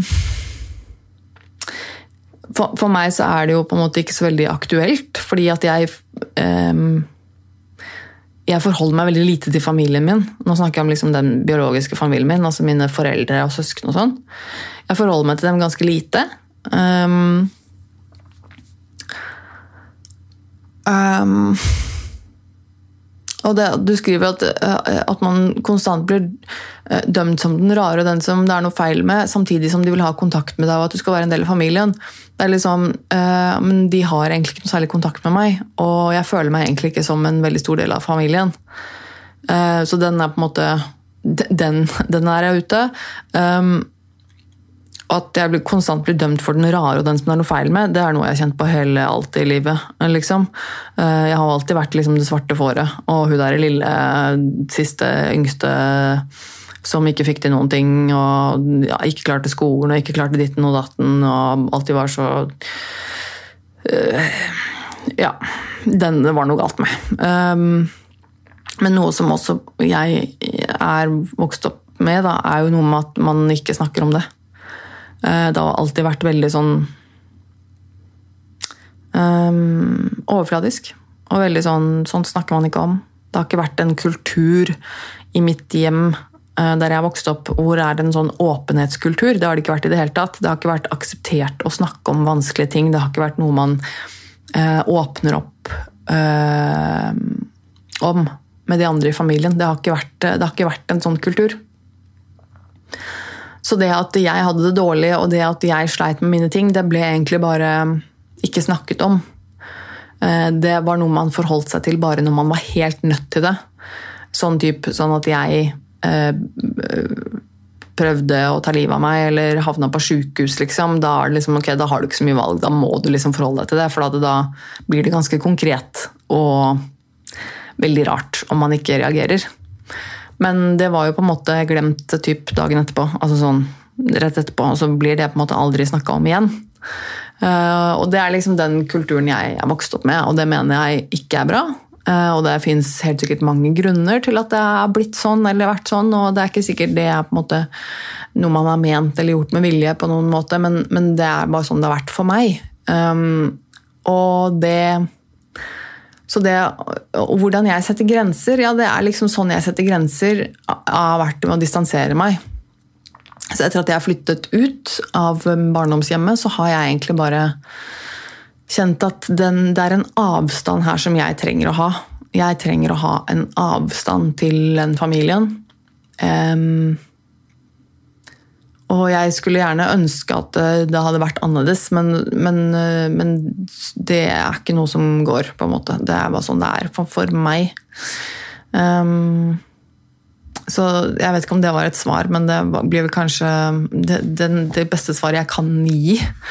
Um, og hvordan jeg forholder meg til familien når du føler den gjør deg dårligere psykisk. Ja, det er litt det at jeg har den avstanden, rett og slett. At jeg um, jeg treffer dem eh, og er med på ting som jeg blir invitert til når jeg føler at jeg klarer det. Jeg føler at ok, det er greit, skal, nå, nå, kan det kjennes hyggelig å se dem. liksom. Nå, nå jeg, jeg har en god dag eller en grei periode, og så kan være hyggelig, men jeg kjenner også at liksom, det er korte perioder. Jeg drar ikke på en hyttetur i en helg sammen med dem. Liksom. Det, går, det går ikke. Det, det, klarer jeg ikke. Det blir for lenge. Så jeg vet at det er liksom noen timer en dag for å feire et eller annet eller for å møtes. eller sånn, Det, det går fint. Sånn at jeg også vet at jeg kan gå når jeg kan gå. Jeg kan, jeg kan gå når jeg er sliten. Det er liksom um, Ja. Ok. Um, har du fått noen reaksjoner på ansiktstatoveringen? Eh, så lurer jeg på om du skal ta flere tatoveringer i ansiktet. Jeg håper ikke. Har du planer om flere tatoveringer? Um, om jeg har fått noen reaksjoner på ansiktstatoveringen, ja. Ja, det er litt morsomt at, uh, at det spørsmålet kom, egentlig. Fordi det har jeg. Uh, og de har faktisk vært utelukkende positive. Og Altså, da mener jeg selvfølgelig reaksjoner eh, i den form av at folk har sagt noe til meg. Da. Fordi at folk tenker jo, og sikkert føler mye, som de ikke sier til meg. Eh, men det vet jo ikke jeg noe om. Eh, men jeg har faktisk fått flere ganger reaksjoner fra vilt fremmede mennesker liksom typ på gata eller i butikk liksom, som har kommentert at 'oi, det var fin tatovering'. Og det var sånn, og det var jeg jo overhodet ikke forberedt på. At jeg liksom vilt fremmede folk skulle plutselig komplementere ansiktstatoveringen min. Det, så det var jo veldig hyggelig. Um, absolutt. Uh, om jeg skal ha flere tatoveringer i ansiktet? Uh, det vet jeg ikke. Eh, jeg har ikke noen konkrete planer om det, men jeg er heller ikke noe jeg utelukker. Eh, det er litt sånn med meg og tatoveringer at det blir mye og stadig mer. Og jeg blir nok Det er nok Altså, jeg har mye igjen. Jeg vet at jeg kommer til å fortsette. Eh, jeg håper ikke du tar det. Da ble jeg litt sånn ok, men hvorfor håper du det? det Hvorfor det, liksom? Jeg syns jo det er fint. Jeg gjør det jo fordi det er noe som gjør meg glad. Jeg gjør det jo ikke for noen andre. Jeg gjør det jo ikke for at jeg skal pynte meg for noen, eller for at noen andre skal se på meg på det og den måten, eller Det er jo liksom egentlig litt tvert imot på, på tross av det, fordi jeg vet at jeg får Jeg får også mye rare blikk, jeg får også mye stygge blikk, og folk som tror mye rart om meg, og det vet jeg jo. At folk kan tro mye rart om folk som har tatoveringer på hender og i ansiktet og sånn. At å, det må være kriminelle eller prostituerte eller jeg vet da søren. Um, at jeg bare er gæren eller sjuk i huet, liksom. Folk tror jo mye rart. Uh, så det er jo egentlig på.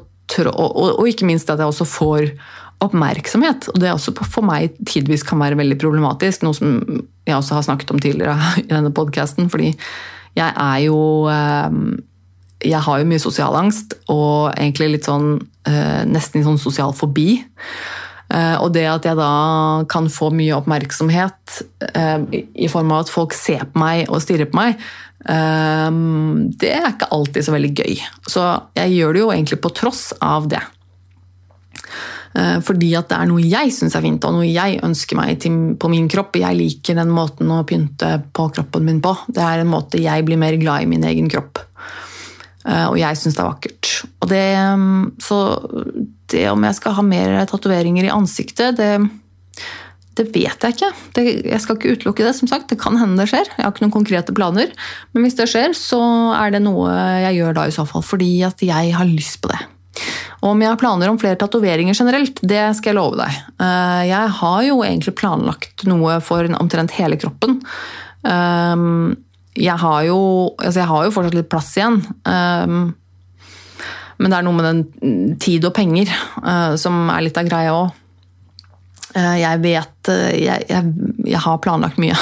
Så ja, svaret er ja. hvor ønsker du å være, eller hva ønsker du å ha oppnådd om ett år? Eller om fem år? Åh, Åh syns jeg er vanskelig. Uh,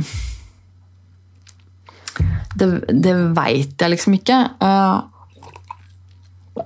Det kommer kanskje litt an på hvilke aspekter man ser på. Jeg håper jo at eh, at jeg kan sitte her i slutten av 2020 og være enda bedre enn det jeg er nå. At jeg er mer lykkelig og mer glad i meg selv, ikke minst. Um, om fem år så har jeg jo et ønske om at uh, kanskje jeg um, Kanskje jeg er blitt kvitt Eh, diagnosene mine. Det hadde vært hyggelig. Kanskje jeg ikke lenger eh, er så spiseforstyrra. Kanskje jeg har jobbet meg såpass mye ut av personlighetsforstyrrelsen min at jeg kan liksom um, bli kvitt de diagnosene. At jeg ikke lenger trenger hjelp, i hvert fall. Hadde vært hyggelig. da. At om fem år så um, er jeg ferdig med behandling. Det hadde vært um, det hadde vært veldig fint. Det er eh, så håper jeg jo selvfølgelig at jeg da har eh, begynt å tjene penger igjen. Det hadde vært hyggelig. Jeg kunne veldig godt tenkt meg å begynne å tjene penger eh, igjen. Eh, og bli liksom frisk nok til å ha en jobb og sånn, for det syns jeg er litt ålreit, faktisk. Å kunne ha en jobb og tjene penger. Um, men utover det syns jeg det er litt vanskelig, egentlig. Um, fordi det, det, er, det, er, vanskelig å planlegge liksom, langt framover når man ikke vet så mye konkret om hva som skjer. Um, har du utdanning? Hvor jobbet du da du ble syk, og kunne du fortsatt jobbe der om du ble frisk nå? Ja. Um, nei, jeg har ingen utdanning. Jeg um, som jeg har vært inne på tidligere, så har jeg alltid hatt uh, problemer med å gå på skole. Jeg syns skole har vært uh, veldig veldig vanskelig. Ikke fordi at jeg er dum, men fordi at uh, det er emosjonelt veldig vanskelig for meg å takle skole. og jeg har aldri vært så veldig glad i det heller. Jeg liker å lære ting, men jeg liker ikke å gå på skole. så jeg, jeg klarte å fullføre videregående. Og så gjorde jeg et forsøk etter det på en videre utdanning. Eller jeg, eh, jeg gikk et år på en privat kunstskole eh, i Oslo. Um, og det holdt med det året, for å si det sånn. Og det er ikke fordi, er ikke fordi jeg ikke liker kunst eller det vi dreiv med. For jeg jeg egentlig jeg, jeg, liker jo veldig godt å drive med sånne ting. Um, men men shit, altså. Eh, det, det, det var så ustrukturert, og det klikker jo jeg for. For jeg, jeg er veldig strukturert. Jeg er sånn som begynner, altså begynner undervisninga klokka ti, så er jeg der senest ti på ti. Og så forventer jeg at undervisninga skal begynne klokka ti. Og det skjedde jo faen meg aldri på den skolen. Fordi at alle var så flytende kunstnerhuer. Unnskyld meg, altså. Misforstå meg rett her nå. Men eh, så, Det var liksom aldri noen som kom på tiden. Eller det var veldig få, da. De fleste kom ikke når de skulle. Og det er jo én ting, men det som irriterte meg aller mest, det var at lærerne begynte heller ikke da undervisningen klokka ti. For når jeg satt der da klokka ti, sammen med kanskje tre andre da, på en klasse med liksom typ 20, så hadde da de fleste da ikke møtte opp klokken ti. Satt der sammen med læreren, og klokken er ti. Tenker sånn Da begynner du undervisningen. Og så Helst så går du og låser døra, sånn at de som kommer etterpå, de må stå ute på gangen og vente. Eh, og få en liten slags straff for at de kom for seint. Men isteden så står læreren der sånn «Ehm, Jeg tror vi bare venter litt, jeg. Så ble jeg sånn Ja vel? Ok, og Da er det ikke snakk om å vente litt, da plutselig blir vi sittende og vente i en time. Eller kanskje to timer. Sånn, vi tar en pause vi bare venter og ser om det kommer noen flere. Unnskyld? Uh, nei, det er ikke greit. Fordi jeg betaler masse penger for å gå på den skolen her. Og undervisningen skal begynne klokka ti. Da skal det ikke være mitt problem at de andre idiotene i den klassen her ikke dukker opp når de skal. Det er ikke meg det skal gå utover. Det er ikke min læring. Det er ikke min tid. Da skal vi begynne undervisninga klokka ti. Uansett om det er to eller 20 elever som har møtt opp. Ferdig med det. Og det er sånn, det, det var helt uakseptabelt for min del å holde på sånn. Så den der ustrukturen, den der bare Nei. Jeg takler ikke. Um, Ja, og hvilken, hva, sa, hva sto det? Hvor jobbet jeg da jeg ble syk, og kunne fortsatt jobbe der om du er frisk nå? Ja, det, eh, altså jeg, ja, jeg har jo hatt litt forskjellige jobber, men den siste jobben jeg hadde, var eh, jeg, eh, Den siste jobben jeg hadde før jeg ble sånn ordentlig sjuk eh, Da jobbet jeg i, eh, i politiet, eh, faktisk. Jeg jobbet i Politiets utlendingsenhet. Eh, der jobbet jeg med eh, faktisk asylsøknader. Eh, og det syns jeg var veldig spennende. Og i tillegg til det så fikk jeg jo gå på kurs og lære om ekthetsgransking av identitetspapirer. Så altså, jeg lærte litt om hvordan man skal granske pass og ID-kort og andre ID-dokumenter for å se om de er ekte eller forfalsket. Sånn som du ser liksom på film med sånn UV-lys og lupe og litt sånne ting. Jeg lærte litt om hvordan man skal gjøre det, så jeg fikk prøve meg på det òg. Det var faktisk veldig gøy. Eh, men stort sett med eh, behandling eller liksom eh, egentlig kvalitetssikring av, av asylsøknader, for det er veldig mye som går inn i den prosessen der. Og det det syns jeg egentlig var veldig spennende. Jeg gjorde en bra jobb der, og de ville veldig gjerne beholde meg der, men jeg var ansatt på et engasjement. Eh, og da plutselig flyktningstrømmen avtok med ja, brått, så var det dessverre ikke noe ledige faste stillinger, for å si det sånn. Da var det jo plutselig altfor mange ansatte der. Så da måtte jeg dessverre slutte. Og da var jeg allerede på et sånt punkt i livet i hodet mitt eh, at jeg ikke var i stand til å på noe som helst måte skaffe meg en ny jobb, fordi da var jeg allerede sykemeldt og blitt ganske dårlig. Eh, men eh, om jeg kunne fortsette å jobbe der nå, jeg vet ikke. Det er egentlig et godt spørsmål. Eh, jeg syns jo egentlig at det var en veldig spennende jobb på mange måter. Jeg synes det var Mye av det som var utfordrende og spennende, og jeg lærte veldig mye. Så det er nok noen ting der jeg kunne fortsatt med, um, og som jeg likte veldig godt. Men samtidig så hmm. Ja, det er, vanskelig, det, er, det er vanskelig å si, egentlig. Um, samtidig så føler jeg at jeg jeg har jo helst lyst på noe som er morsommere, for å si det sånn. da. Mer kreativt. Med litt sånn à la de greiene jeg gjør nå. Altså podkast og litt sånn mediating. Eh, kanskje jeg syns jo det er morsommere. Eh, Ja. Nei, jeg vet ikke. Jeg vet ikke. Um, hva er det første du sjekker når du ser deg i speilet? Oh, Jesus. Uh, ja, det kommer helt an på. Det kommer helt an på når på dagen det er og hvilket speil det er.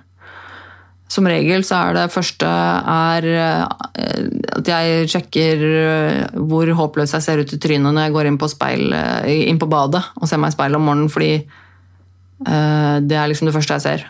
Og det speilet er såpass lite at jeg ser ikke hele kroppen min, heldigvis. Så da blir det til at jeg står der og sjekker hvor trøtt jeg ser ut. Nei, jeg vet ikke. Jeg, det, det, vet jeg ikke. Det var litt rart. Uh, det var litt rart å tenke over. Jeg vet ikke hva jeg sjekker. Hva jeg sjekker. Nei, jeg tror ikke jeg sjekker noe veldig spesifikt. Er du god på å ta imot kritikk? Um, det kommer jo litt an på hva du mener med god på, og hva du mener med kritikk. Jeg vil eh, si at jeg er eh, eh ganske god på å ta imot konstruktiv eh, kritikk. Så lenge den er liksom velmenende og konstruktiv, så er det alltid egentlig velkomment. Eh, det er jo ikke alt jeg får av konstruktiv kritikk heller som jeg mener at er noe jeg burde til, ta til meg, som jeg skal følge, men det er jo fair enough likevel. Mm, men hvis det er sånn eh, bare litt sånn drittslenging og sånn 'du er teit' eller 'stygg', så vil jeg nok Ja, jeg vet ikke. Jeg, blir, jeg er kanskje blitt god til å ta imot det og bare bare at jeg er blitt flinkere til å bare se bort fra det. Og bare la det prelle litt av, den kritikken eller den, de tilbakemeldingene som på en måte ikke er relevante, eller ikke Så klarer jeg liksom å si at ja, men ok, men da er ikke dette noe for deg. Eller ja vel, da skjønner ikke du meg. Eller ja vel, så får du mene det, da. Så jeg tror nok jeg er blitt bedre på det. Men jeg syns også det er fint å få konkrete eh, tips og sånne ting. Det er jo alltid velkommen, og jeg vil jo alltid bli bedre på ting. Så det er absolutt. Har du gjort noe for siste gang? Ja. Garantert. Um, Akkurat hva? Vanskelig å si. Jeg vil jo håpe og tror at jeg har eh, prøvd å ta livet av meg for siste gang. Det, bare det syns jeg jo er supert. Eh, at jeg har ønsket å dø helt oppriktig for siste gang. Eh, det er i hvert fall planen min, holdt jeg på å si. At, jeg, at det var siste gang. Sist gang. Um, ellers er det vel mange ting jeg gjør for siste gang, men som jeg egentlig ikke er så bevisst på, kanskje. Jeg håper og tror at jeg har spist kjøtt for siste gang. Uh, ja, jeg kommer ikke på noe mer. Uh, hvor og hvordan vil du begraves? um, det er meg revnende likegyldig, altså. Sånn egentlig. Fordi når jeg er dau, så er jeg dau, og da spiller det jo overhodet ingen rolle for meg hva som skjer med min kropp. Eh, da er den jo død. Eh, er jeg død, så er jeg død. Da bryr jeg meg ikke. Så jeg tenker at det, det som spiller noen rolle, er jo for de som eventuelt er igjen, som bryr seg, eller som er lei seg, eller som på en måte var glad i meg. Um, og hvis de har et sånt kjempebehov for å ha meg gravlagt et eller annet sted og ha en stein å gå til, så så får de vel lov til det. Men i utgangspunktet tenker jeg at jeg har ikke noe, har ikke noe behov for å liksom, ha en gravplass og et stein. Altså, det er sånn Unødvendig pengebruk, tenker jeg egentlig. For det er sånn Det er en død kropp som du skal bare grave ned, og så skal du betale for den skal du betale for det stedet. Eh, den gravplassen, og betale for at jeg skal få en liksom, stein som skal stå der til sånn minne om meg. Um, som egentlig ingen bryr seg om, fordi at det, det, det, det er Altså Jeg husker jeg så et intervju med hun eh, Og nå husker jeg ikke hvilken serie det var. Damn, det er litt synd, for den var egentlig ganske bra. Jeg så et intervju med moren til hun ene av de to jentene som ble drept i Baneheia-saken. Um, jo, det var på NRK-serien som heter Den følelsen. Eh, den var ganske bra, faktisk. Den følelsen heter den serien. Er, jeg tror det var i siste episode hvor de snakka om sorg. Uansett så var det et intervju med moren til hun ene av de to jentene som døde. eh, hvor hun snakket om det med gravplassen. Hvor hun da snakket om den skammen hun tidligere følte med at hun ikke gikk på gravplassen. For folk spurte vel liksom sånn Er du ofte på grava? Um, og da sa, hun, da sa hun ja. Ja, ja, hun var det ofte, da. Men det var en løgn, for hun sa at jeg er egentlig aldri på den grava. fordi at for meg, for meg så er det ikke der hun er. Um, Stine, tror jeg hun heter, hun ene dattera. Stine er ikke der. Hun er inni her. Altså i, i, inni meg, inni hjertet mitt. Hun er her hvor liksom hvor jeg er, hvor minnene er. Og det er her Stine er. Hun er jo ikke der oppe, der hvor grava er. Um, men jeg synes bare uansett det var, det var, fint å si. Det var fint at hun kunne si det åpent og liksom ikke skamme seg lenger for at hun ikke gikk til graven. fordi for henne så var det ikke der Stine var. Og det synes jeg var fint. Og jeg skjønner jo at det er mange som føler noe annet. Mange føler sikkert at de, de liker å ha det, det, konkrete stedet å gå til. Den steinen der hvor det står navnet. Der er det liksom et minne man kan legge blomster, og det er helt greit. Men jeg tenker at for meg, hvis jeg dør, eller når jeg dør um, tenker at Er ikke det egentlig bare fint å spare de penga? Um, med mindre noen har et ekstremt behov for å ha en stein hvor de skal gå og sørge for, uh, sørge for meg. Uh, sørge over meg, heter det vel. Uh, så tenker jeg at bare spar de penga. Spar, spar de penga til den steinen. Spar penga for den dumme gravplassen. Det er egentlig i utgangspunktet helt unødvendig. ta heller og brenn kroppen min og Sett den urnen med aske på peishylla hvis du syns det er koselig, eller bare sleng det ut et eller annet sted. I don't care, for for meg spiller det ingen rolle. Jeg er daud. Da tenker jeg at de som er etter meg, de må finne ut av hva de syns er hyggelig. Um, hvordan støtter du noen som har det vanskelig, og hva ønsker du at venner skal si til deg når du har det vanskelig? Ja, det føler jeg at det finnes egentlig ikke ett svar på, for det kommer så veldig an på det kommer så veldig an på hvem det er og hva det gjelder og hva slags vanskelig det er. Men som på generelt grunnlag så tenker jeg ofte at eh, jeg ønsker å gjøre for mine venner det jeg ønsker at mine venner gjør for meg. Og det er egentlig bare å være der og vise at jeg bryr meg. Eh, så jeg tenker jo at det er, det er liksom det jeg ønsker å, å tenke på da. At Um, bare vise at du bryr deg. Uh, du, og det kan være mange måter å gjøre det på. Om det er å liksom, holdt jeg på å si mase. At det kan være sånn at man ofte sender melding og sier bare 'hei, jeg bryr meg'. Jeg er her, vil du snakke med meg? Vil du treffes? Uh, eller om det er å bare finne på noe litt oftere. Eller om det er å bare si at 'hei, jeg er glad i deg'. Uh, pff, det er vanskelig å svare på. Det er jo nesten umulig å svare på. Det kommer helt an på. Det kommer helt an på hva, hvem man er, og hva man sliter med. og det er egentlig um, Ja, nei, det, det, er egentlig um, Ja. Bare, bare vær der. Uh, skal vi si um, Så var det noen som spurte om uh, Som var litt fascinert av dette med åpent forhold. Ehm, med mitt forhold til min samboer, da, fordi vi har jo jeg har snakket litt om det at vi er et åpent forhold. Så står det uh, Hvordan kom det opp mellom dere? Hvordan har dere håndtert sjalusien? Du sa jo noe om dette nettopp uh, i forrige episode. Ja, det gjorde jeg fordi, eller i den episoden som heter Er jeg poli?, som er episode nummer 42. Da snakket jeg ganske mye om det her. Uh, om akkurat om dette forholdet vårt, og da snakket jeg også litt om det med sjalusi. Så hvis du er interessert i å høre mer om det, så sjekk ut episode 42 Er jeg poli?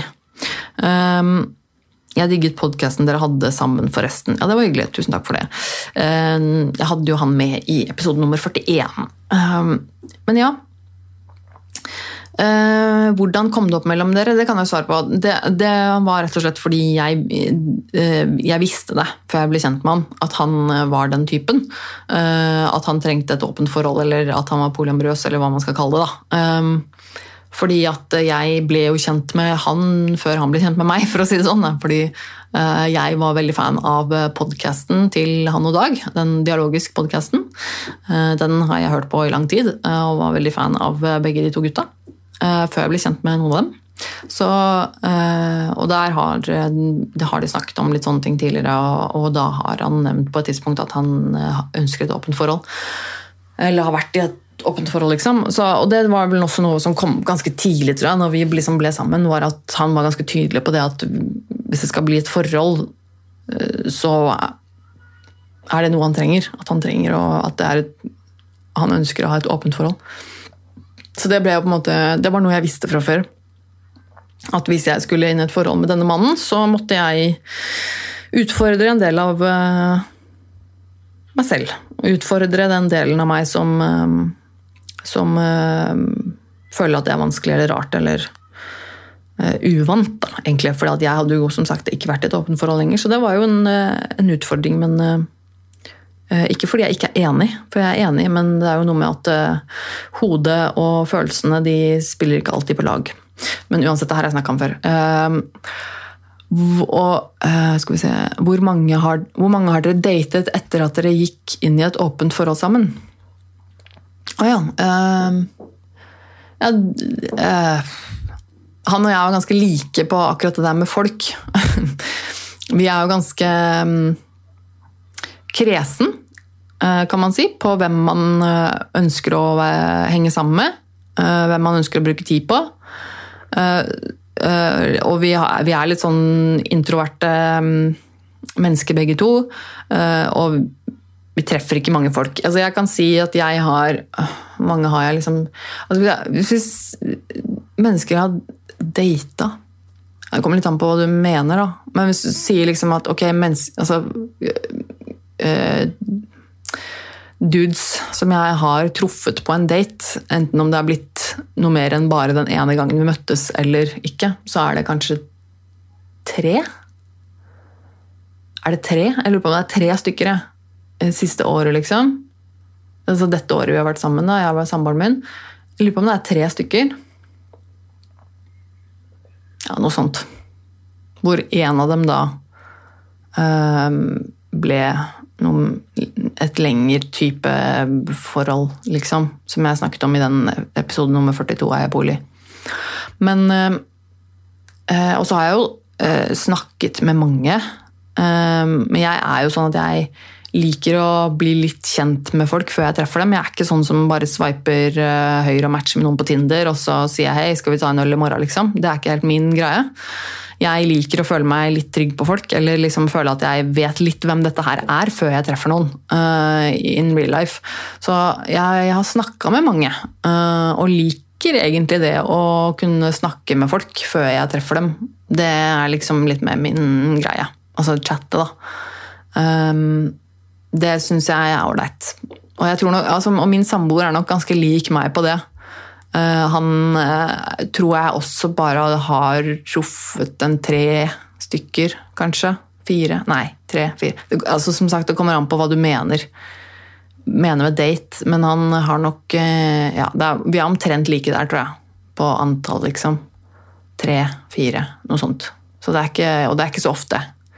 Det er liksom hvis det er fordi det handler jo ikke om det handler jo ikke om um, det at vi bare skal treffe noen for å pule. For det er litt sånn uinteressant på en måte, det i seg sjøl. For vi har jo hverandre, eh, liksom. Det er jo ikke sånn at det er noe behov for å gå og treffe noen bare for å ha sex med randoms. Uh, det er jo på en måte ikke noe, det er ikke noe behov uh, i seg sjøl. Så Eh, for det har vi jo hverandre til. Eh, og så er det jo noe med at det handler jo litt mer om den spenningen.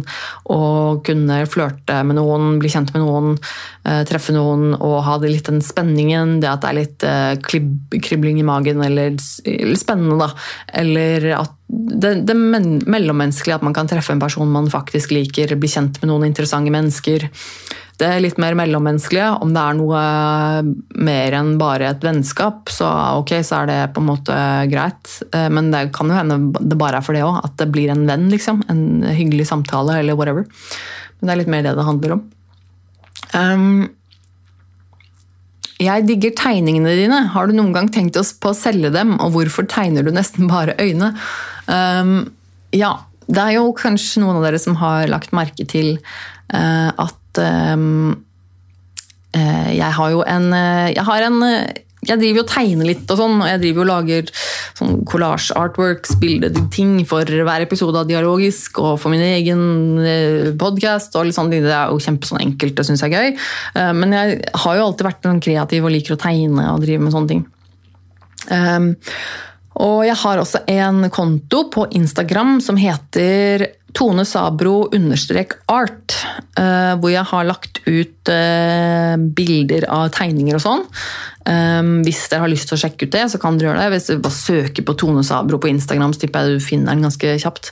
Uh, jeg har ikke lagt ut fryktelig mye der, uh, og ikke så veldig ofte heller, for det er ikke så ofte jeg føler jeg har noe å legge ut, og det er ikke så ofte jeg driver og tegner, men det ligger jo noe der. Og som noen da sikkert ganske kjapt legger merke til, så de, er det jo veldig mye tegninger av øynene. Og det er litt sånn, jeg vet ikke helt hvorfor, altså, men det har vært en sånn det, det, er bare sånn det er. Jeg liker å tegne den stilen. Den sånn, sånn realistiske, veldig detaljrike liksom, type stilen. Og uh, jeg, Av en eller annen grunn er ikke så glad i å tegne hele ansiktet. Jeg, liksom, liksom, jeg, vet, jeg, vet, ikke helt, men helt siden jeg var ganske ung, så har jeg liksom likt å tegne øynene. Litt av fordi, kanskje fordi at det er uh, Det kan være litt vanskelig, men også veldig sånn Det er så mye uttrykk, og det er så mye forskjeller.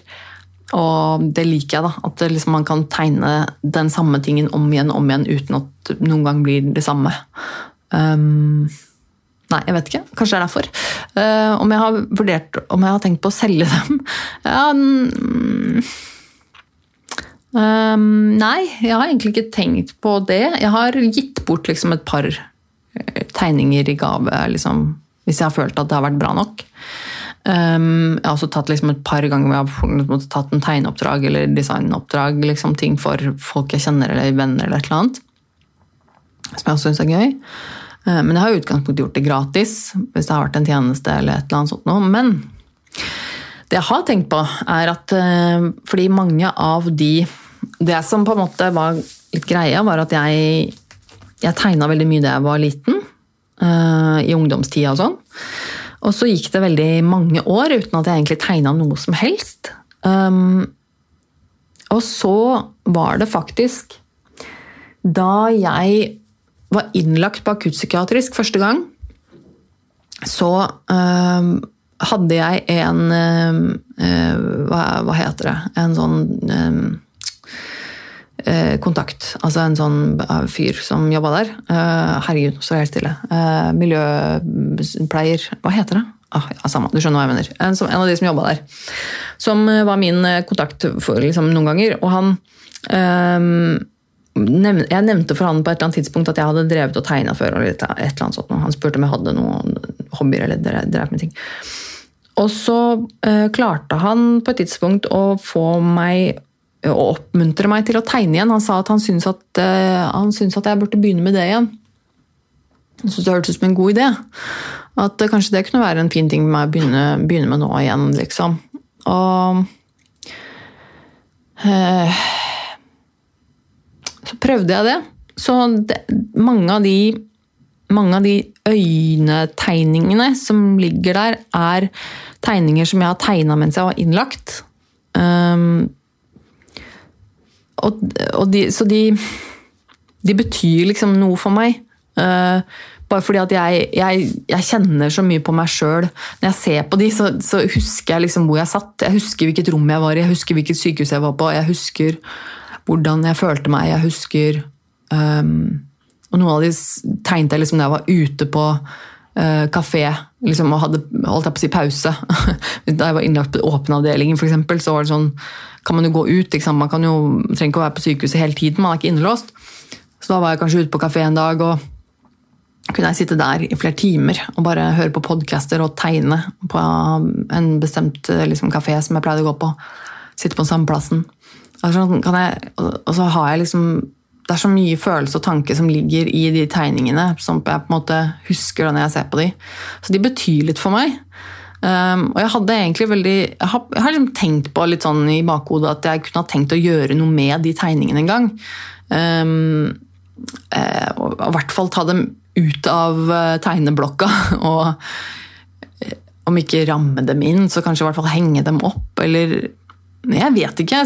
Gjøre noe, noe med dem fordi at de de, det er et um, det, er, det er liksom for meg noe i de tegningene som jeg har lyst til å ta vare på, som er en historie, liksom. Men jeg har ikke kommet så langt ennå. Men jeg tror ikke det er så veldig mye penger å hente der. Eh, jeg tror ikke det er så mange som er interessert i å kjøpe det. Så det er egentlig ikke noe jeg har tenkt så mye på, um, for helt ærlig. Nå tror jeg faktisk at jeg har gått gjennom alle spørsmålene. hvert fall, Nei, det er ikke helt sant. Jeg har hoppa over et par stykker på veien nedover her òg, fordi at det, det, Jeg skravler jo fader rullan meg høl i huet på alle her, liksom. Uh, er det noen som fortsatt hører på der ute?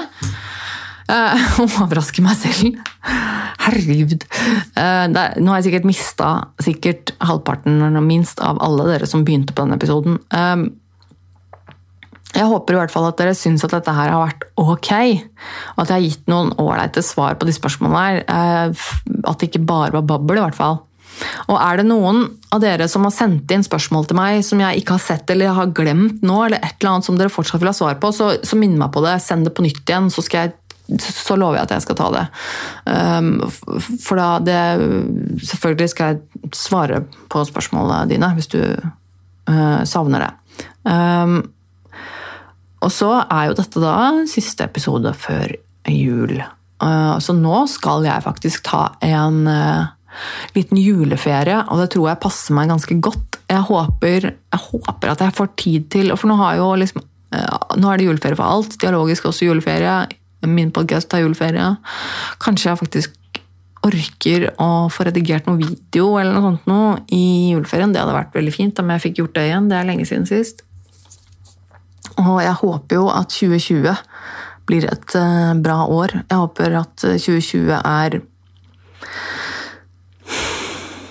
Jeg håper at 2020 blir enda blir bedre. Jeg håper, at, jeg håper det.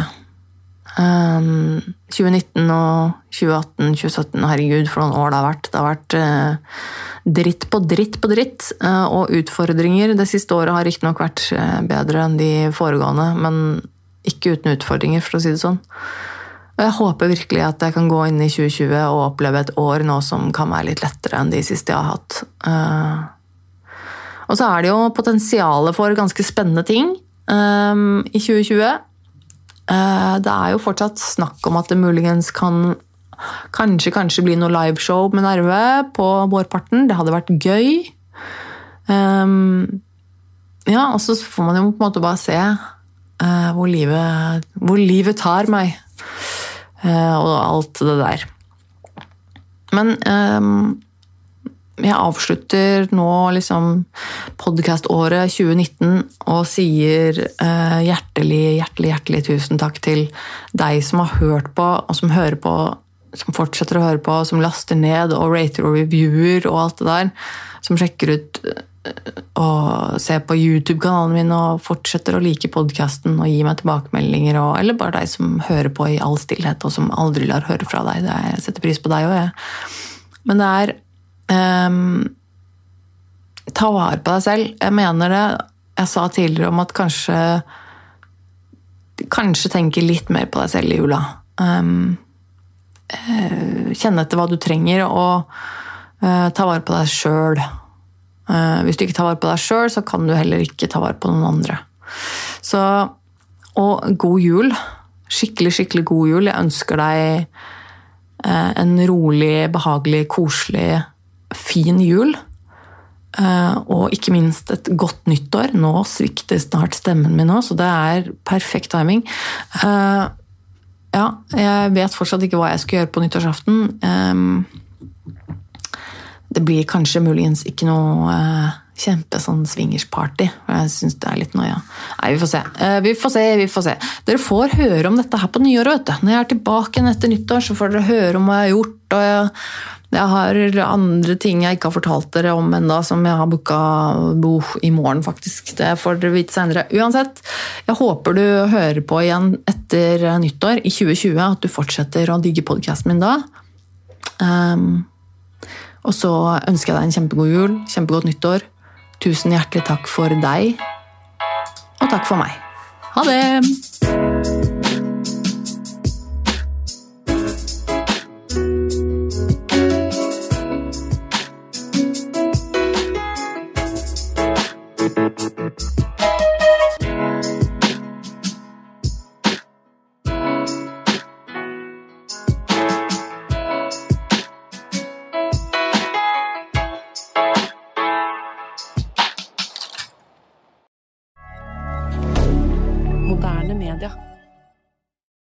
Har du et enkeltpersonforetak eller en liten bedrift? Da er du sikkert lei av å høre meg snakke om hvor enkelt det er med kvitteringer og bilag i fiken, så vi eh, gir oss her, vi.